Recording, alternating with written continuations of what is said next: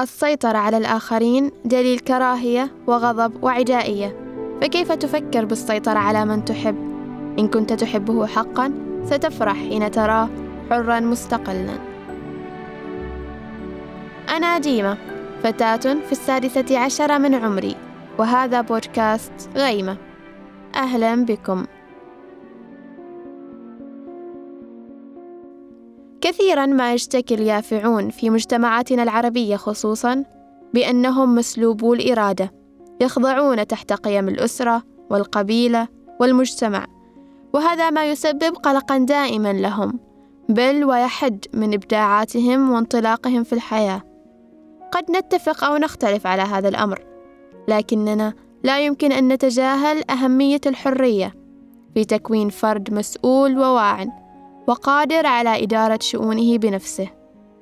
بينما تنتج السيطرة والتحكم المبالغ فيه فردا اتكاليا عاجزا عن اتخاذ قراراته بنفسه.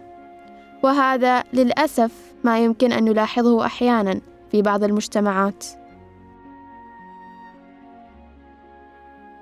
عندما نتحدث عن توجيه الأبوين لأبنائهم فنحن أمام معنى مختلف بعض الشيء.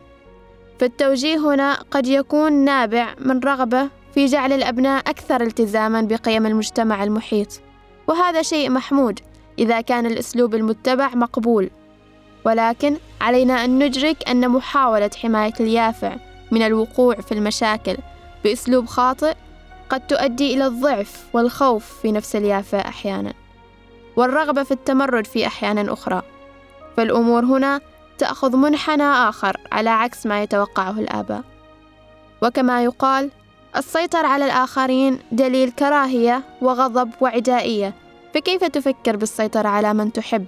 إذا كنت تحبه حقا ستفرح حين تراه حرا مستقلا.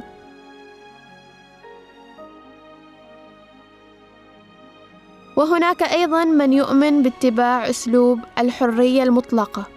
ومنح اليافع كامل السلطة في اتخاذ قراراته من غير أي تدخل.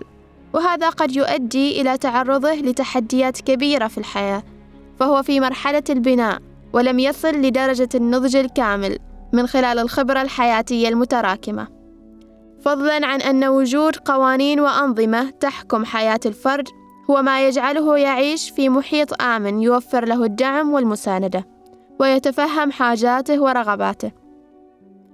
ولكن الدعم والمساندة لليافع هي البديل الأنجح دائما بدل اللوم والعتاب والتقريع على كل خطأ يرتكبه. أعزائي الكبار حل المشكلة دائما يبدأ من الأساس فتربية الطفل منذ الصغر على كيفية اتخاذ القرار تجنبه الأضرار المستقبلية وتساعده ليصبح أقوى وأكثر وعيا.